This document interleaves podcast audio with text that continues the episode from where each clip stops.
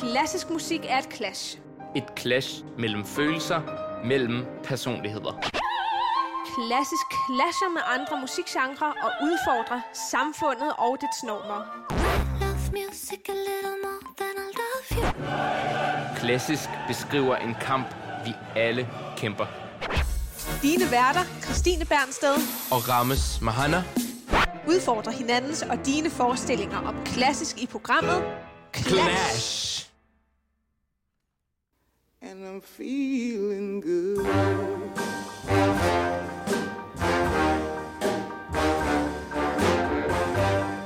Fish in the sea, you know how I feel. River running free, you know how I feel. Blossom on the tree, you know how I feel. It's a new dawn, it's a new day, Vi står endnu en gang og danser bag mikrofonen til lyden af Nina Simones Feeling Good. Den fantastiske Nina Simone, som øh, vi elsker begge to for hendes øh, fantastiske musik. Ja, hendes karisma. Og øh, det er programmet Clash, og vi har for første gang en gæst med i studiet her på Radio Loud. En fantastisk kontratenor fra Canada, og vi glæder os utrolig meget til at belyse dagens emne sammen med ham. Og øh, vi vil gerne lige introducere nogle af de øh, ting, vi kommer ind på i dag. Øh, vi, vi skal tale om sorte i klassisk musik. Og øh, det er et rigtig spændende emne i forhold til alt det, der kører i medierne nu, i forhold til George Floyd-sagen, etc. Ja, så vi prøver at vende blikket lidt indad og se på vores egen branche. Jeg hedder Christine Bernsted, og med mig er Rames Mahana. Vi er to klassiske musikere. Jeg er klassisk pianist, og, Og Christine... jeg er klassisk violinist. Vi studerer begge to på det Kongelige Danske Musikkonservatorium i København. for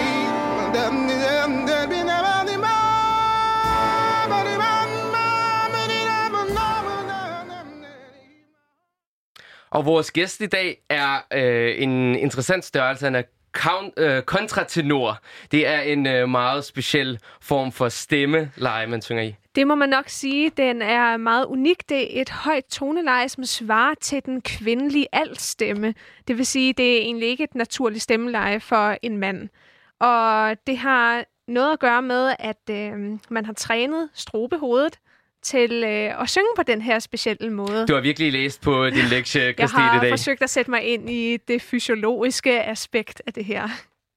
Så lad os lytte til øh, noget musik, øh, sunget af en kontratenor, noget Vivaldi. Ja, det er et stykke, jeg har valgt. Det er øh, faktisk noget, som også har været med i Bond-filmene med Daniel Craig fra den seneste Spectre-film. Det hedder Cum Dederit af Vivaldi. Og hvad betyder det, hvis jeg vil spørge? Kom det dit? Noget med øh, Gud kommer, Okay. eller Herren kommer. Okay, okay. Og det er altså en, en meget speciel øh, stemme-type.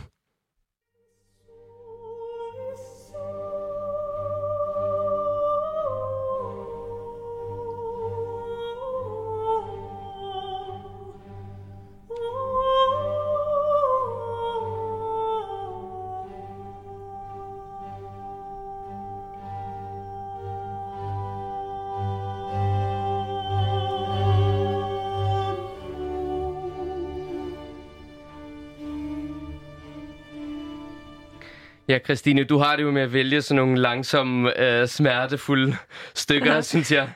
Jeg synes, det er utrolig smukt. Man hører også den her kromatiske udvikling, det vil sige, at det er sådan nogle halvtone trin, der gør, at øh, melodien kommer til at flyde sådan langsomt fremadskridende. Hvis jeg ikke vidste, det var en kontratenor, der sang, så ville jeg næsten tro, det var en kvinde, ikke? Ja, det er jo det. Der, der er sådan noget utrolig feminint over det her. Og det er så lyst og, og, og let. Jeg elsker den her stemmetype.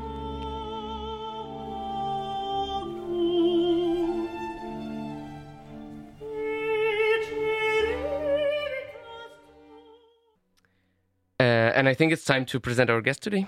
It is, yes. Jonathan Monroe, my good friend, colleague, uh, countertenor, amazing countertenor. You just came here from a little exam you had in school that I think you passed uh, splendidly. Uh, Thank you. and um, I'm very happy you are our first guest in this uh, program. Oh wow! Yes, it's a huge pleasure to have oh, you it's here. an honor. very much and uh, you you are a huge character in school and therefore we thought like it's it's so uh, it's would be so interesting to have this uh, conversation with you and uh, listen to the story of your life basically Absolutely. But would you like to present yourself? Hi, um, I'm Jonathan. I am from Canada. I'm from a place called Nova Scotia. Um, I mean, what do you want to know? Is the better question. you are uh, th- th- 30 years old I'm be 30 Mhm, this year. mhm. Yeah. and you just finished your uh, your master right Um, correct yeah, your master in the Royal Danish Academy of yeah, Music my recital in August, but I postponed it just because of Corona. Mhm. And you uh, you are not only uh, an educated classical musician, you also have some other degrees. Yeah, I mean, um, my first degree, I went off and studied politics and um, finance, uh, economics. and then I went off and studied costume design and set design or theater. Um, and then I went off and did an artist diploma in uh, classical music. That's amazing. And now I'm here. now you're here in the studio with uh, That's amazing. with Clash, the classical music program for uh, young people. And uh, Jonathan, we, we had like several conversation about this subject about uh, being uh, in classical music and the racism uh, that that is uh, like that you experienced. Mm-hmm. Uh, so maybe just just, just uh, tell tell us your story. I'm from Nova Scotia. I'm from a place called Truro. It is a, a historically black um, community um, that has its ties to um, the Great Migration. I mean, um, I think it's discussed quite a bit in uh, such books as the Book of Negroes. All these freed black slaves left um, the states on boats and went to Nova Scotia, and then they were there for I think a year and a half to two years, maybe a little longer, and then they hopped on another boat and um, they went to Sierra Leone and Liberia, and that's where you get the name Liberia. Is it was a created um, country for free black slaves. Um, I grew up singing in uh, um, my hometown in a, a church called Zion Baptist, which is a very historical black church. It has uh, its roots in the beginning of uh, black people settling in Truro. Yes, and you have been. Um, you sang a lot of gospel and uh, spiritual Yeah, singing. I mean, when you- growing up, um, I grew up singing gospel music because you know that was um, apparent, and that's something that was around. And then spirituals because that was what was linked to my community. And then um, someone saw promise and um, said, "Well, you know, you should be singing classical music." And then you became this child star. I would say, I mean, that's, I mean, that's a big um, overstatement. I mean, you know, I You're on TV and I, received I some mean, big I was on, you know, I had some really great opportunities to perform um, on TV as well as receive really great um, support. I mean, I think part of the support was, you know, just because I was part of the community. And I mean, my mom is a, a really well respected uh, black educator where I'm from. And, you know, my dad's, my mom's black and my dad's white. And, um, that kind of was my story growing up. You know, you're, you know, biracial, but um, where I'm from, it's in some ways it's not common. I think it's very common now to be biracial, but growing up, you're definitely, you're not. You know, and can you explain? You say biracial. yeah, two races, 2 Uh-huh. races.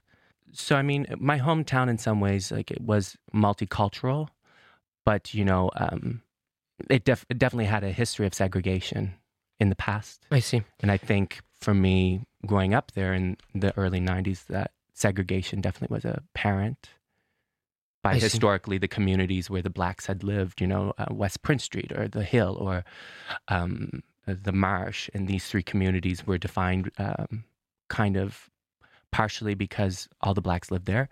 And then they were originally on uh, garbage dumps. And so the black communities in Truro kind of grew off of garbage dumps. I see. Mm. I see. But as you told us yesterday, singing is part of your DNA, right? I mean, it's just some. I mean, it was something that was. You know, I just showed talent as a little kid, and I mean, the rest is history. You know what I mean? Like I'm here, and I had a lot of really great people kind of shine their light down upon me, and um, I, you know, I was the recipient of the Portia White Protege Prize, which is a, a really, um, and then um, I went off and I was studying, planning on going to study music at university, and then I got sick with something called dysphonia, so I stopped singing for quite a while. And then I was studying other things and kind of studying privately with the teachers. And then I decided that, you know, I, I really want to sing. and so I went off and I studied at a university called Western Ontario, uh, West, Western University, the University of Western Ontario in London, Ontario, Canada. And then I was there. And then from there, I went to study with a really renowned countertenor named uh, Daniel Taylor, who was one of, um, you know, uh, Eliot Gardiner's Mhm. favorite countertenor. Yes, yes. And then I took some time off and I was working, not singing. And then I said, well, I really want to sing. And so and I, you came back to I came uh, back here and, uh, you know, a certain um, events kind of came about. And I just said, well, you know, like I'm not really good at anything else. so I might as well go back to I'm being sure you're wrong. I'm sure you're wrong. I mean, just Uh, because you're good at something doesn't mean it's your calling. I Mhm. really feel like, for the most part, when I do sing, it's like, you know, it's all good. Yes. Have you experienced racial prejudice during your upbringing or when you studied? Oh, for sure. I mean, there was times where, you know, I'm I can't say if it's true, but there was times where the door wasn't always as easily open for me because people knew I had a black mother where I grew up. You know, people would talk about me being, you know, half breed or what they would call a mulatto, you know, half donkey, half horse, a mule. Um, Gosh, that's a harsh Oh my- comparison. you Jesus know, Christ. Um, you know, um, being called the N word. I remember there was a boy, but you know, I also glad I grew up with a mom who, you know, really taught us the love of blackness. But is there a difference between being in the United States or Canada? Like Well, ra- think- racism wise, because oh, like I mean, I uh, think now. I mean, I think you know the great uh, runner Donovan Bailey, uh, who won an Olympic gold medal. I think he put it the best. You know, Canada's just racism with a smile. I uh, stumbled upon uh, some performance of Wagner Lieder with Measha Brueggergosman. hmm Uh, and it's really interesting because like he's the racist composer, you know. Mhm. He wrote those like uh, he, he was he was a writer and wrote a lot of articles about like suggesting the uh, Arya race like being superior and everything, and that's why Hitler was was a fan of him. hmm Uh, but she is singing this music, and like the, the music I think is very beautiful, and she's singing it uh, amazingly. you in a way you have to separate the art form um, from the composer. You know he's not the only one to probably dislike uh, black people or uh, jews and hold the white race up as something superior to other cultures. So i mean it is at the end of the day music and you know i think that's a really great thing going forward is looking back at classical music right? Like if you feel in your heart that you don't want to perform this composer because they're anti-black that's really great and But the music also- lives lives its kind of its own life. yeah af- and i think that's part of like s- s- um what's it called separating you know the composer from his artwork you know if he had a song that maybe slandered minorities I- mean, I haven't found any. Maybe there is. I don't know. I don't sing Wagner. I'm a countertenor. well, the, the, this, uh, yeah, there's a bit in Meistersingen's uh, uh, that that says like anti anti Jewish. Like it's actually in the text of the opera, I think. For sure. But that's otherwise his he expressed this opinion in the articles, but not so much in the music. But, I mean, like I said, I think there's such thing as cultural context, and I- I mean, I don't sing Wagner, but if someone who was of a minority decided they wanted to sing Wagner, I would never say to them, "Well, you know, don't play Wagner because he was A, B, C, D, F, G. Uh, You know, it's But let's listen a bit. This is uh, Wesendonck-Lieder, uh, one of the Wesendonck-Lieder Great. by Wagner.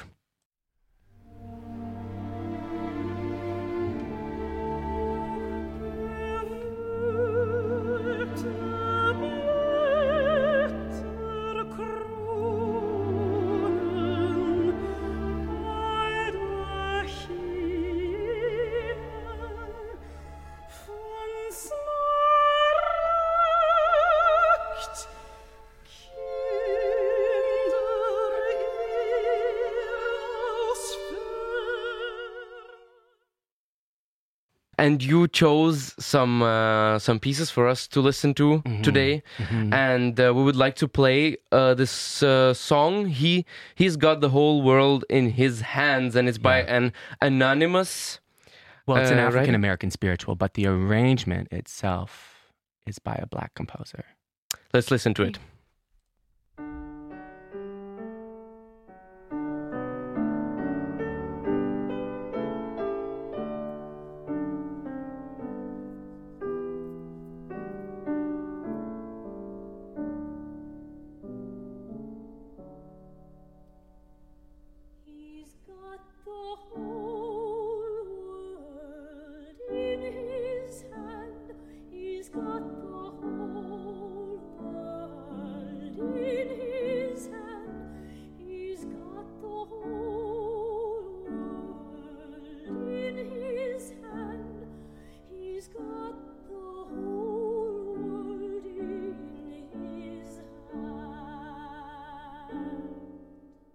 And Christine, you told me earlier when we listened to it, you were like, "Oh, I, I may, maybe know this. I recognize this from Yes. somewhere, right?" It's very beautiful, but it's in a classical Mm-hmm, sense, right? But did you grow up with this kind of music? For sure. I mean, it just it was around, right? You know, like um, uh, for I would say um, the community where I You told me up. actually, you, your grandmother was singing this to you as a well, lullaby. yeah, you know, I wouldn't say as a lullaby, but it was music that was around the house, Uh-huh. right? Like um, black music uh, amongst black people, I really think is celebrated, and you know, classical music is always held. Um, uh, in such high esteem, right? And especially where I grew up because of Portia White, because she had a name, you know, she's been on the Canadian postage stamp.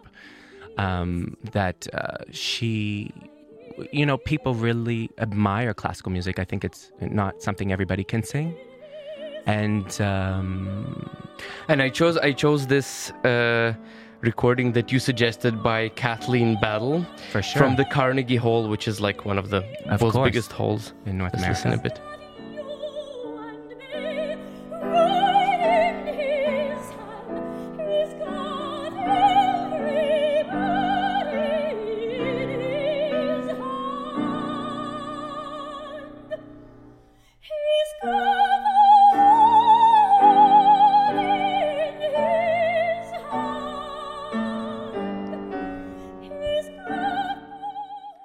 It's really interesting. Like uh, you say, it's a spiritual.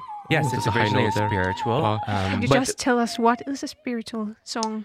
I mean, the spirituals of are the African American spiritual. I think um, has its roots. I mean, in in slavery, they were music that people sang to uh, while they were working, and they also were uh, songs that um, were coded language Mhm. that Can the white s- master couldn't uh, know or understand. So you know, such spirituals like "Wade in the Water." Yes, can you That's- sing something for us?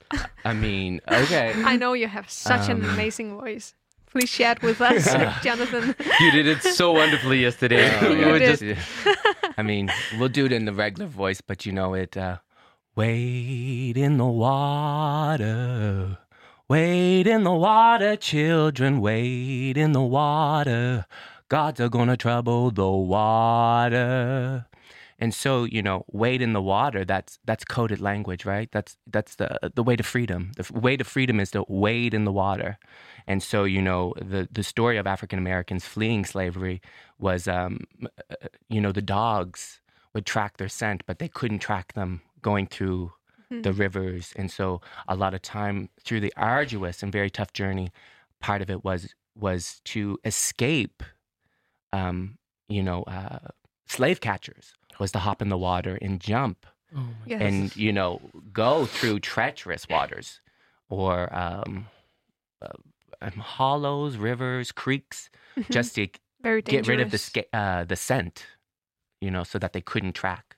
Jesus God, that's, Yeah. that sounds totally fucked up for our our Mhm. mind now. You know, in Mm-hmm. in modern Denmark, and uh, it's also like oh, if we listen to like uh, the song, he's he's got the whole world in his hand. Like there's so much like kind of soothing feeling about it. Like it's it's going to be okay in the end. Like a I'm- hope for a better future. I mean, I think a part of it is that, but I also think it's by a really great um, composer. The arrangements by uh, the great composer Margaret Bonds, and she writ it, uh, wrote it originally for uh, the great soprano Leontyne Price. And you know, I think for for singing this um, spiritual, I think that is the premier, the go-to arrangement that most black people who do perform it do perform the Margaret Bonds arrangement. And it's really interesting that this this so you say it's it's uh, started as a spiritual, but it made its way to Carnegie Hall.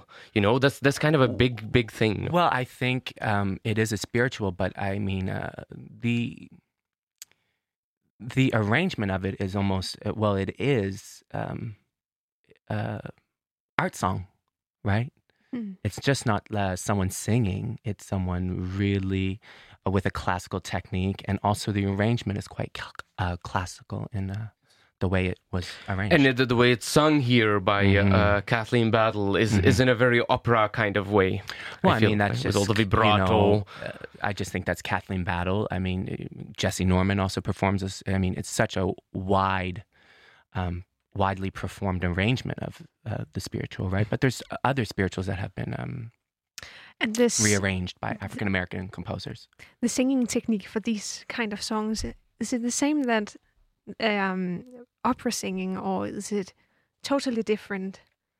I technique. mean, when I sing, you know, gospel music or jazz music, it's I don't think it's the same. I mean, I think great singing is great singing, no matter how you get to it. But at the end of the day, I mean, singing technique. uh, I mean, it's singing classical music. I just find it's like, oh, I had a lesson today, and I was like, oh, it's so hard, you know. And it's like I could just get up here and sing like any, you know, anything in my normal voice as a count um, as a countertenor. I feel like it's like, oh, you know, I definitely feel the strain abo- ab- about singing on my body.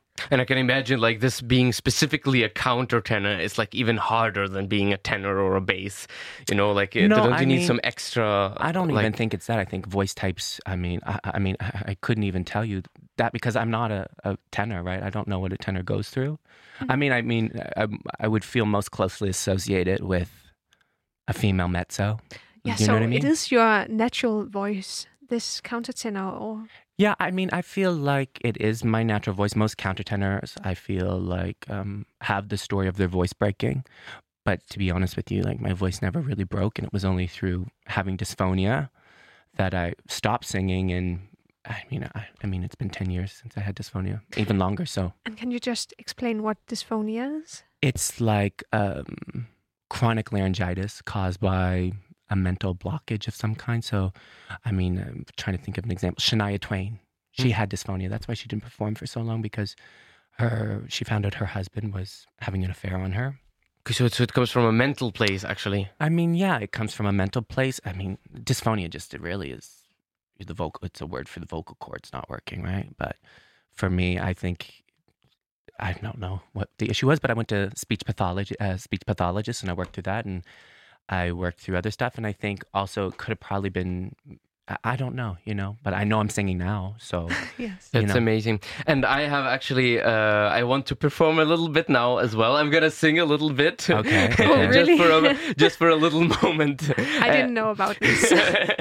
no, it's it's because we're gonna listen uh, to a piece in a moment by uh, uh, Florence Beatrice Price, and it's uh, it's called Negro Folk Songs in Counterpoint, and it's based on this song uh, that goes like "Swing low, sweet chariot, coming for to carry me home." Oh gosh, I haven't Yeah. been singing in a while.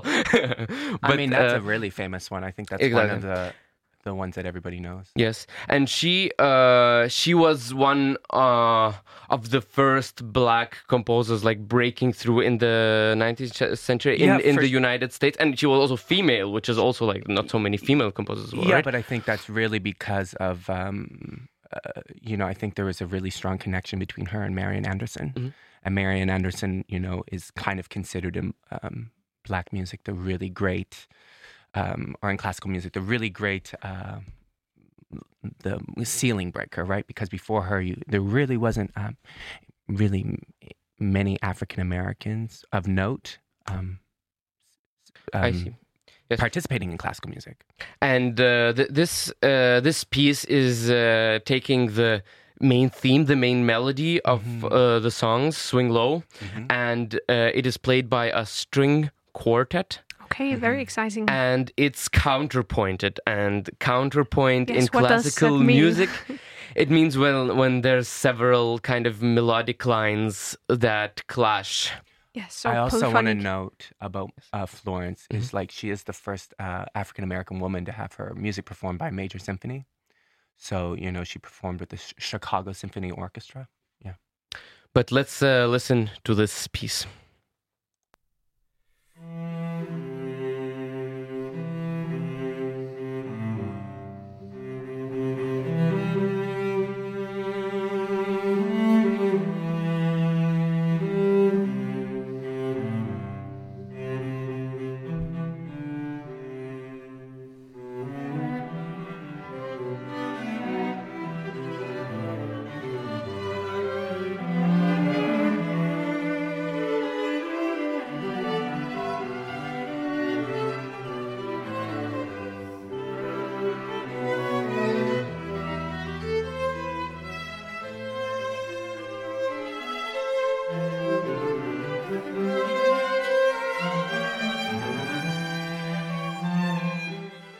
i think it's just really interesting that they take something like from uh, she takes something from gospel and uses this very classical music uh, way of Yes, composing but this type of melodic line, it's ingrained in your DNA, right, Jonathan? It's it comes very natural to you I to mean, sing I, I this feel like I wouldn't. uh, I mean, to sing this way. I mean, this is something that you know I grew up doing, sing classically, but singing spirituals. I think that is in the DNA because, I mean, it's just you know it was music I grew up hearing and uh, singing, but it's also I think part of the community I grew up um, being a part of. you know. Yeah, but it's I think it's really interesting when when two kind of genres mix together like like like in this this piece it gets like totally a new new dimension to it and I, I really like this uh, this counterpoint. But one thing I would like to say as well, you know, uh, it's just not African uh, American composers that have been using influences of African American or of uh, African um, using influences of our African Americans. I mean, Dvorak's uh, uh, symphony, the New World Symphony. Yeah, I mean, he uses African American. Um, spirituals within it as well. I mean, when you hear the da da da da da da da da da da, you know, that's an African American spiritual. So let's maybe uh, listen to this a little bit. it's a Yes, very very famous classical music piece for uh, for a whole symphony orchestra, Mm-hmm. and um, it is like his impression of the United States when when uh, Dvorak when he was originally Czech, right? Ch- Uh, Yes. Czech, Czech and it's he called the New World. the New World, and it's like a very uh, it's his ninth symphony, and like in classical music, those things with the ninth symphony from Beethoven's ninth, that was like a totally groundbreaking wor- work. Uh, like this, they call it the Curse of the Ninth. Uh, that it's something like really spectacular and really big, and uh, Dvorak uh, made this over uh, those gospel themes. Spiritual So singing. Yes. yes, I mean, he also, I mean, there's so many different themes, right? It's the themes which he encountered, you know. I think you can link um, themes from indigenous people, the indigenous people of America. You see uh, themes um, revolve around the African American uh, people that he encountered and heard singing. So, you know, it's it's a mishmash of of everything he encountered in America. Let's listen. This is the second movement of Dvorak's Ninth Symphony. Do you know exactly which which song it is based on? This melody. Does he have a Uh, text? going home, going home, Lord, I'm going home. Yeah, it's um, I mean, I mean, I, I think you can also hear Kathleen Battle. There's a CD in which she does it. I can't think of the name of it, but she also performs it as well. But this is for instrumental. This is Yeah, for yeah. symphony orchestra. Yes.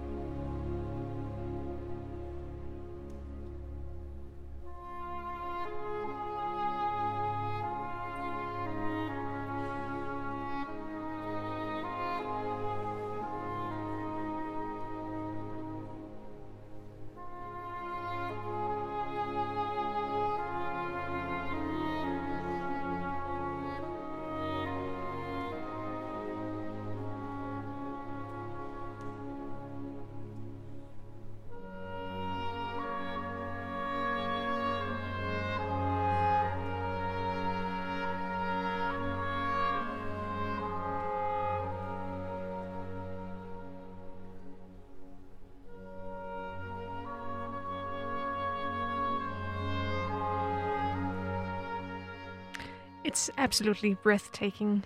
And it's really your kind of music, Christine. It is, but I have actually played it um, at least tw- twice in an orchestra. It's very popular. it's so like It's- like I almost get get tears in my eyes. And this is it's like very transparent. it's it's it's like it's written in a major key, which means like the colors are uh, supposed to be like happy colors, but the music itself, I think it has such a great sadness in it. Mhm. Do you agree with that? Oh, for sure, for sure. I mean, I think that is a part of. Um, I mean, when I talk to my mother or talk to my cousins, you know, I, I'm fortunate that I have the ability to pass as a, a person that is associ- you know, that is black. I do have the ability to pass. Uh, you know, there's such joy within the spirit of black people, but you know, there is this great sadness. Hmm And as as we, uh, sorry, I'm getting a little bit of tears in my eyes here. I th- I think this is this is something uh, I, I can relate to uh, as well. Like like this whole luggage of other cultures that you just you you you have it with you all the time. You you can Mhm. never really Mhm. get rid of it. But also as we, as we talked yesterday, like from from the sadness of the heart comes the most beautiful music. Oh, for sure. You know, I think when we were discussing yesterday, I think there is something about, as my mom would call it, black excellence. That, you know, you can try to keep it down, but it's just something that, you know, you see people such as Kathleen Battle, or you see people like Jessye Norman, or, you know, we even talk about um, in contemporary times like the great Serena Williams. There is something about greatness that cannot be denied. You can't deny it it just rises to the top.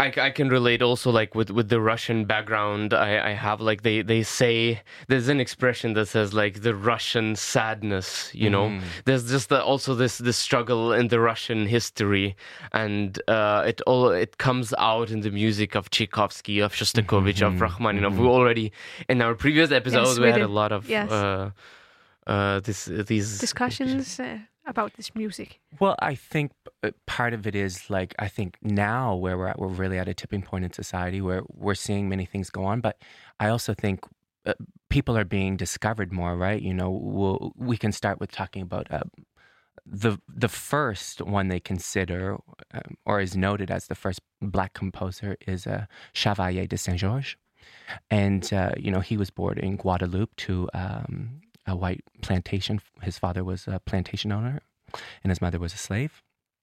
And uh, you know he, you know they dubbed him the Black Mozart, and he is also um possibly uh, what's the word I want to say. Um, the basis of a character in um, the opera uh, The Magic Flute.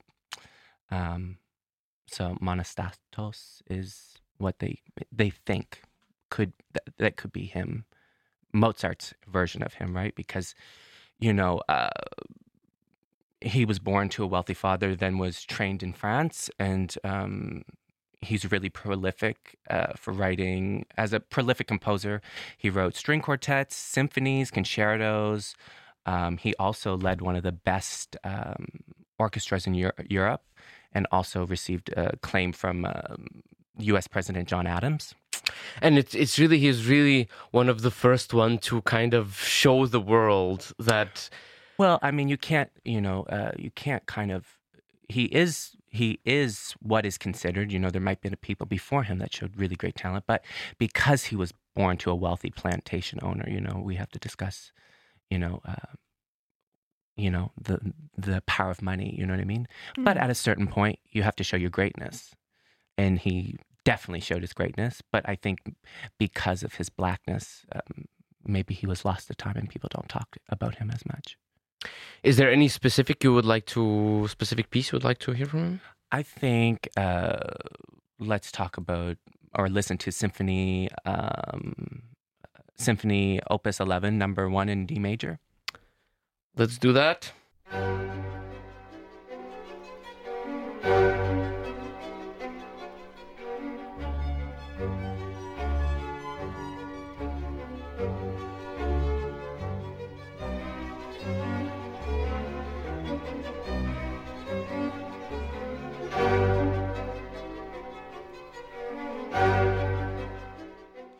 This is very like uh, kind of classical style Yes, uh, very. piece. Just like Mozart.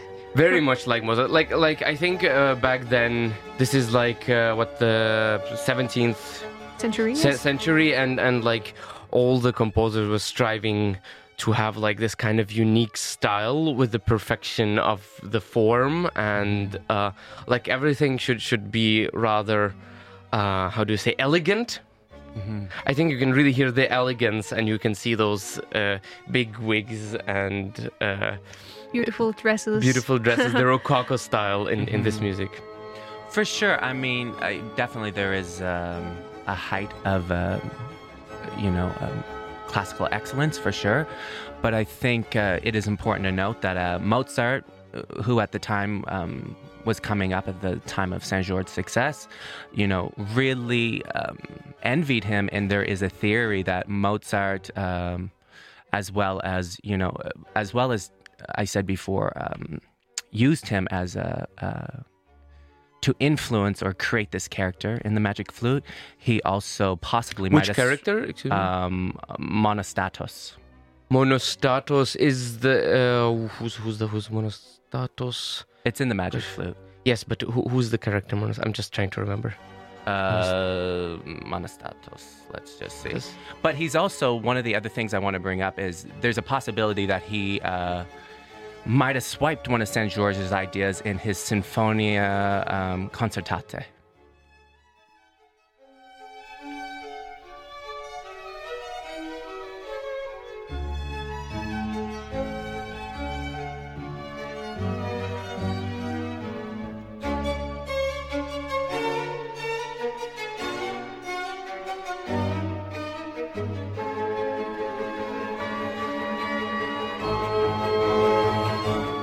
Okay, we just figured out Mo- Monostatos is one of the, the bad guys, basically. The villain, And, yeah. and uh, he's uh, trying to go down with this. Um, he he, uh, he has an uh, alliance with the Queen of the Night, and they're trying to bring down Sarastro, like which which is the good guy, basically. And and like it's like Mozart tried maybe to uh, kind of paint uh, a, a stereotype of, of a black person. Uh, I wouldn't say maybe. I don't know if it's a stereotype. I mean, it is um, um, an interpretation of a black a Moor uh, at at the time, right? So you have to put it in cultural context. But you know, uh, it could possibly be that uh, Saint George was the um, the fuel or the idea that created this character, this villainous black character in his opera. Du lytter til programmet Clash med Christine Bernsted og Rammes Mahana. Vi har en fantastisk gæst med os i dag i studiet, der hedder Jonathan Monroe. Han er fra Canada og en sublim kontratenor. Det vil sige en meget lys mandlig stemme, der svarer til den kvindelige altstemme. And Christine, you just decided to take this one in Danish. Uh, uh, Jonathan, we're only saying good things about you. Oh, honestly, I- I- we're saying my Danish is very bad, but I can listen and put words together. That's wonderful. I was just advertising We're what this glorifying you, program actually. is about. pretty much. But uh, as I was saying, uh, talking about stereotypes, um, we would like to play a very famous piece uh, from the classical repertoire by George Gershwin. Oh, Mm-hmm. wonderful. It's an opera, right? It's uh, called Porgy and Bess. yeah. Gershwin was an um, Jewish Yes, he was a Jew- Jewish American composer. Yeah.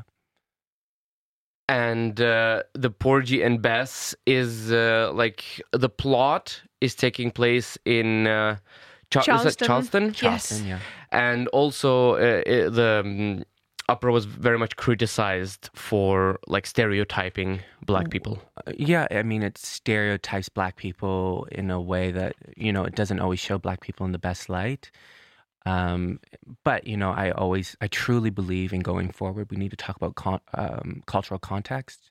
You know what I mean? And, uh, I mean, but in the same way, I mean, even though it, it, it was written by a, a non black person, uh, I mean, I think it's one of the most celebrated. I mean, to perform it properly, you have to do it with all black people. So in that way, I think part of um, the African American literature and classical music. I think it is definitely a part of it because I mean, there's certain areas that I think only somebody of African American descent who grew up in an African American community can fully understand. Do you know what I mean? Um, some of the melismatic singing is, I mean, um, I think one of the great arias, other than "Summertime," is um, "My Man's Gone Now," and I mean, or since my yeah, my man's gone now.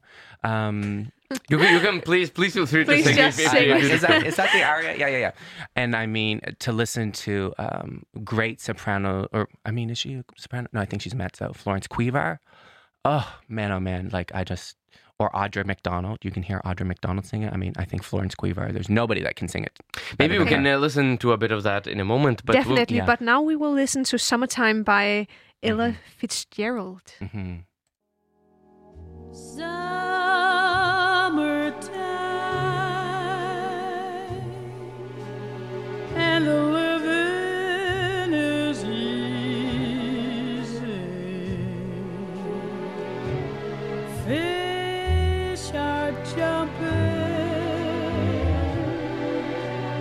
The cotton is high.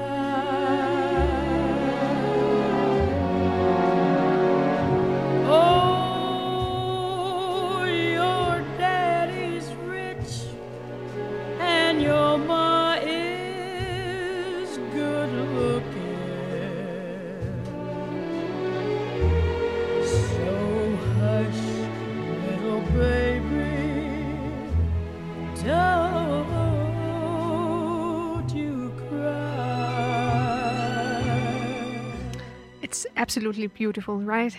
I think it's a mm-hmm. very beautiful piece of For- music. Yes, and for me, mm-hmm. it's a glorious voice. Oh, for sure. I mean, well, she's considered to be one of the greatest, oh, right? She's a legend, Yes. and there's a bit of Louis Armstrong there. Oh, yes. You gonna rise up singing. So much character.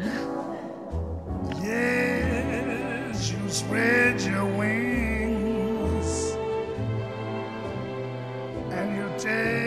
It's really interesting to hear a voice like that in an opera, right? Like it's not Really, a, yes, typical- It's well, I not- mean, you have to think this is an opera aria that a lot of Porgy and Bess standard uh, songs are part of. You know, I, I I think are part of the Great American Songbook. So I would say this is what you call like a classical crossover piece, just because Fusion. of you know you you have Nina Simone performing stuff from Porgy and Bess, you have uh, Ella, you have many different people, but at its heart, it is an opera. And what what what do you th- what's your opinion about the opera? Because we, we were thinking. I mean, my opinion of it is, you know, you hold it in cultural context, and also, you know, as the great author uh, Toni Morrison says, you know, through uh, the white gaze, you know that it's a it's a lens.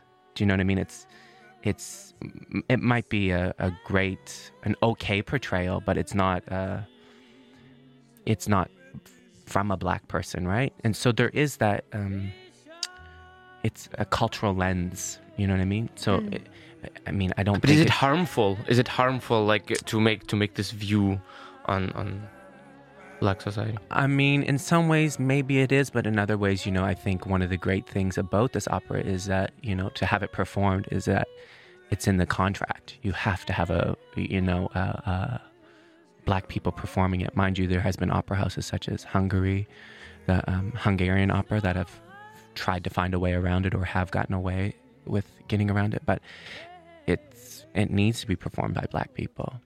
I see.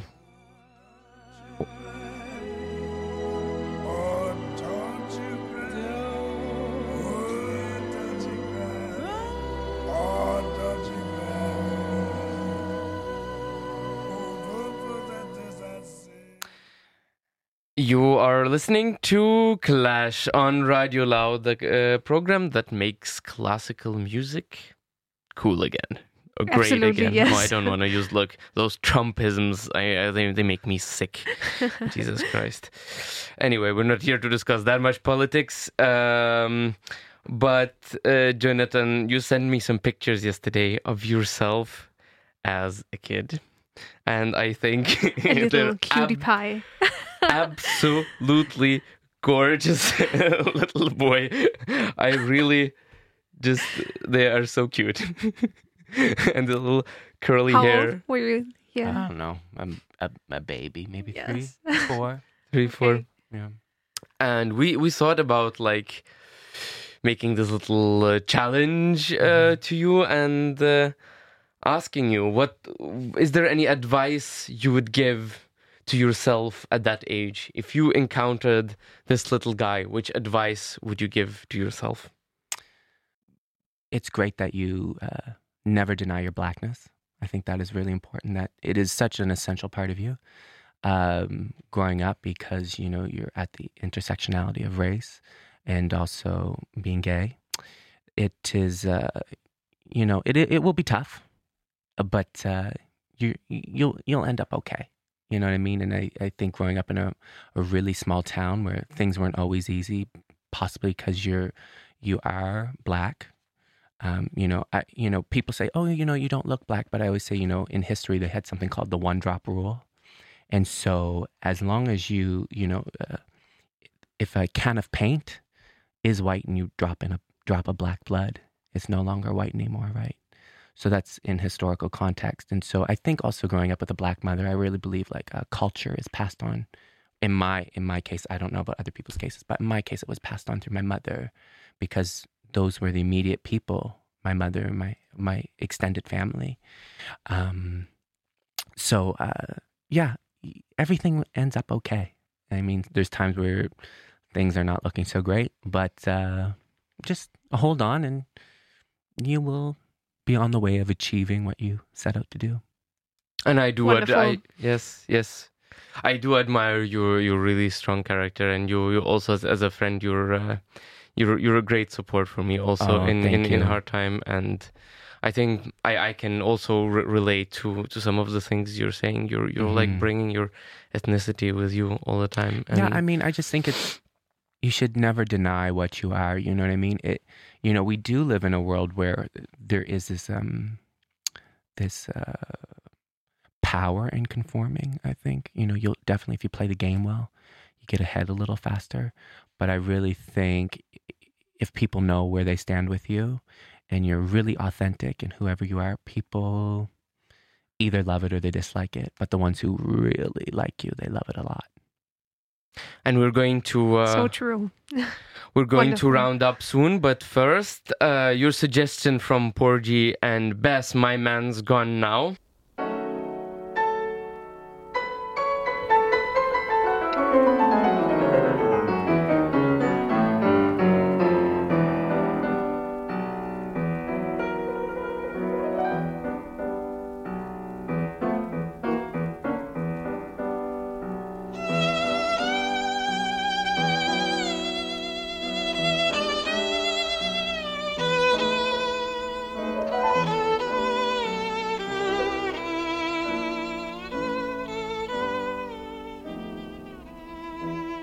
So, Jonathan, was this a little treat for me as a violinist? Mm, I'm, I've never heard it performed by a violinist, but I No, know. I think it's, it's a transcription. It's played I by mean, Yes. it's- Jascha Heifetz, Jascha Heifetz. oh, uh, famous virtuoso. I mean, so you know, uh, the inspiration of black people. No, even the greatest, one of the greatest violinists is playing, you know, Porgy and Bess.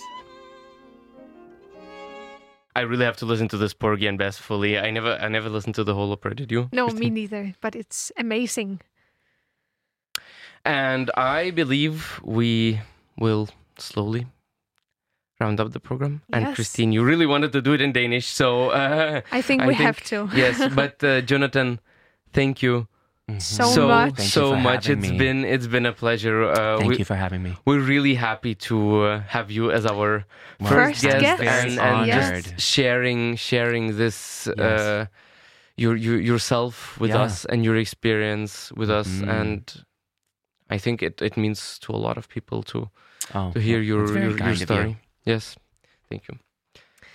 Så øh, vi skal allerede til at runde af for i dag. Det har været endnu en gang en fornøjelse at have jer med på denne musikalske rejse sammen med Rammes Mahana og jeg, Christine Bernsted, hvor vi har haft vores første gæst med i studiet, Jonathan Monroe fra Canada, en fantastisk øh, kontratenor, hvor vi har talt om, hvad det vil sige og hvordan det er at være en minoritet, i hvert fald sort, i det klassiske øh, musikmiljø. Og øh, til slut plejer vi at have en masse bravurmusik. Men, Det gør vi øh, i- nemlig. Øh, men jeg tænker, i dag tager vi noget lidt mere low-key. Også et stykke, som er foreslået af Jonathan, og øh, som, som vi synes er virkelig et smukt stykke. Det er et rigtigt Christine Bernsted stykke. Det er sådan noget inderligt og, øh, og, og smukt. Smuk musik. Det er Lyric for Strings af George Walker.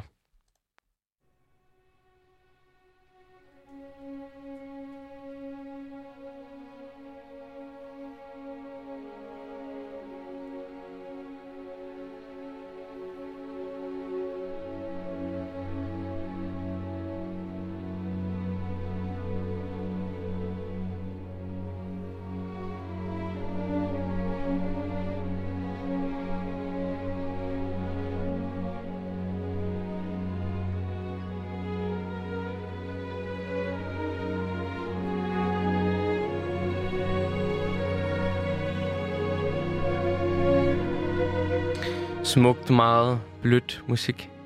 Jonathan vil rigtig gerne sige noget. I just want to note that uh, he is the first African American to win a Pulitzer Prize for Music, and he is also the first black graduate of the esteemed uh, Curtis Institute. Wow. So, yeah. It's very beautiful. And this falling melodic line, it's um you get this mournful mood, right? And he is also the first black person to receive um, or be a recipient of a doctorate from the Eastman School of Music.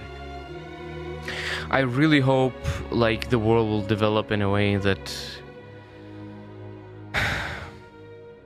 we can all just be ourselves and and be proud of ourselves and really be happy and not feel like that some people are being oppressed and contrary Well, to I other people. I think it uh, begins with dismantling the system and rebuilding it together. That's what we are doing here in this program. Yes, We hope I so, hope. at least. Uh, we have the visions. Men vi skal allerede til at runde af for i dag. Øh, Endnu en gang, siger Endnu du det. en gang. Vi kan simpelthen ikke... øh, Der er så meget skøn musik. Og, Det er der, og vi har lyttet til både fantastisk klassisk musik, men også en masse andet skøn musik repræsenteret i andre musikgenre. Og du kan gå ind og finde al denne skønne musik på vores playliste til i dag på Radio Louds Spotify-konto. Det hedder episode 4. Ja, Clash øh, nummer 4. Og øh, der har vi al det musik med, som vi har afspillet i dag og lyttet til i dag. Øhm, og så håber jeg, du vil lytte med i næste uge, hvor vi har tænkt os at tale lidt om disciplin. Hvad vil det sige at være klassisk musiker og øve sig så ufattelig meget? Hvordan kan man stå i det lille øvelokale og bare blive ved time efter time? Men nu har vi ikke så meget andet at sige end... Keep it cool. Keep it classic.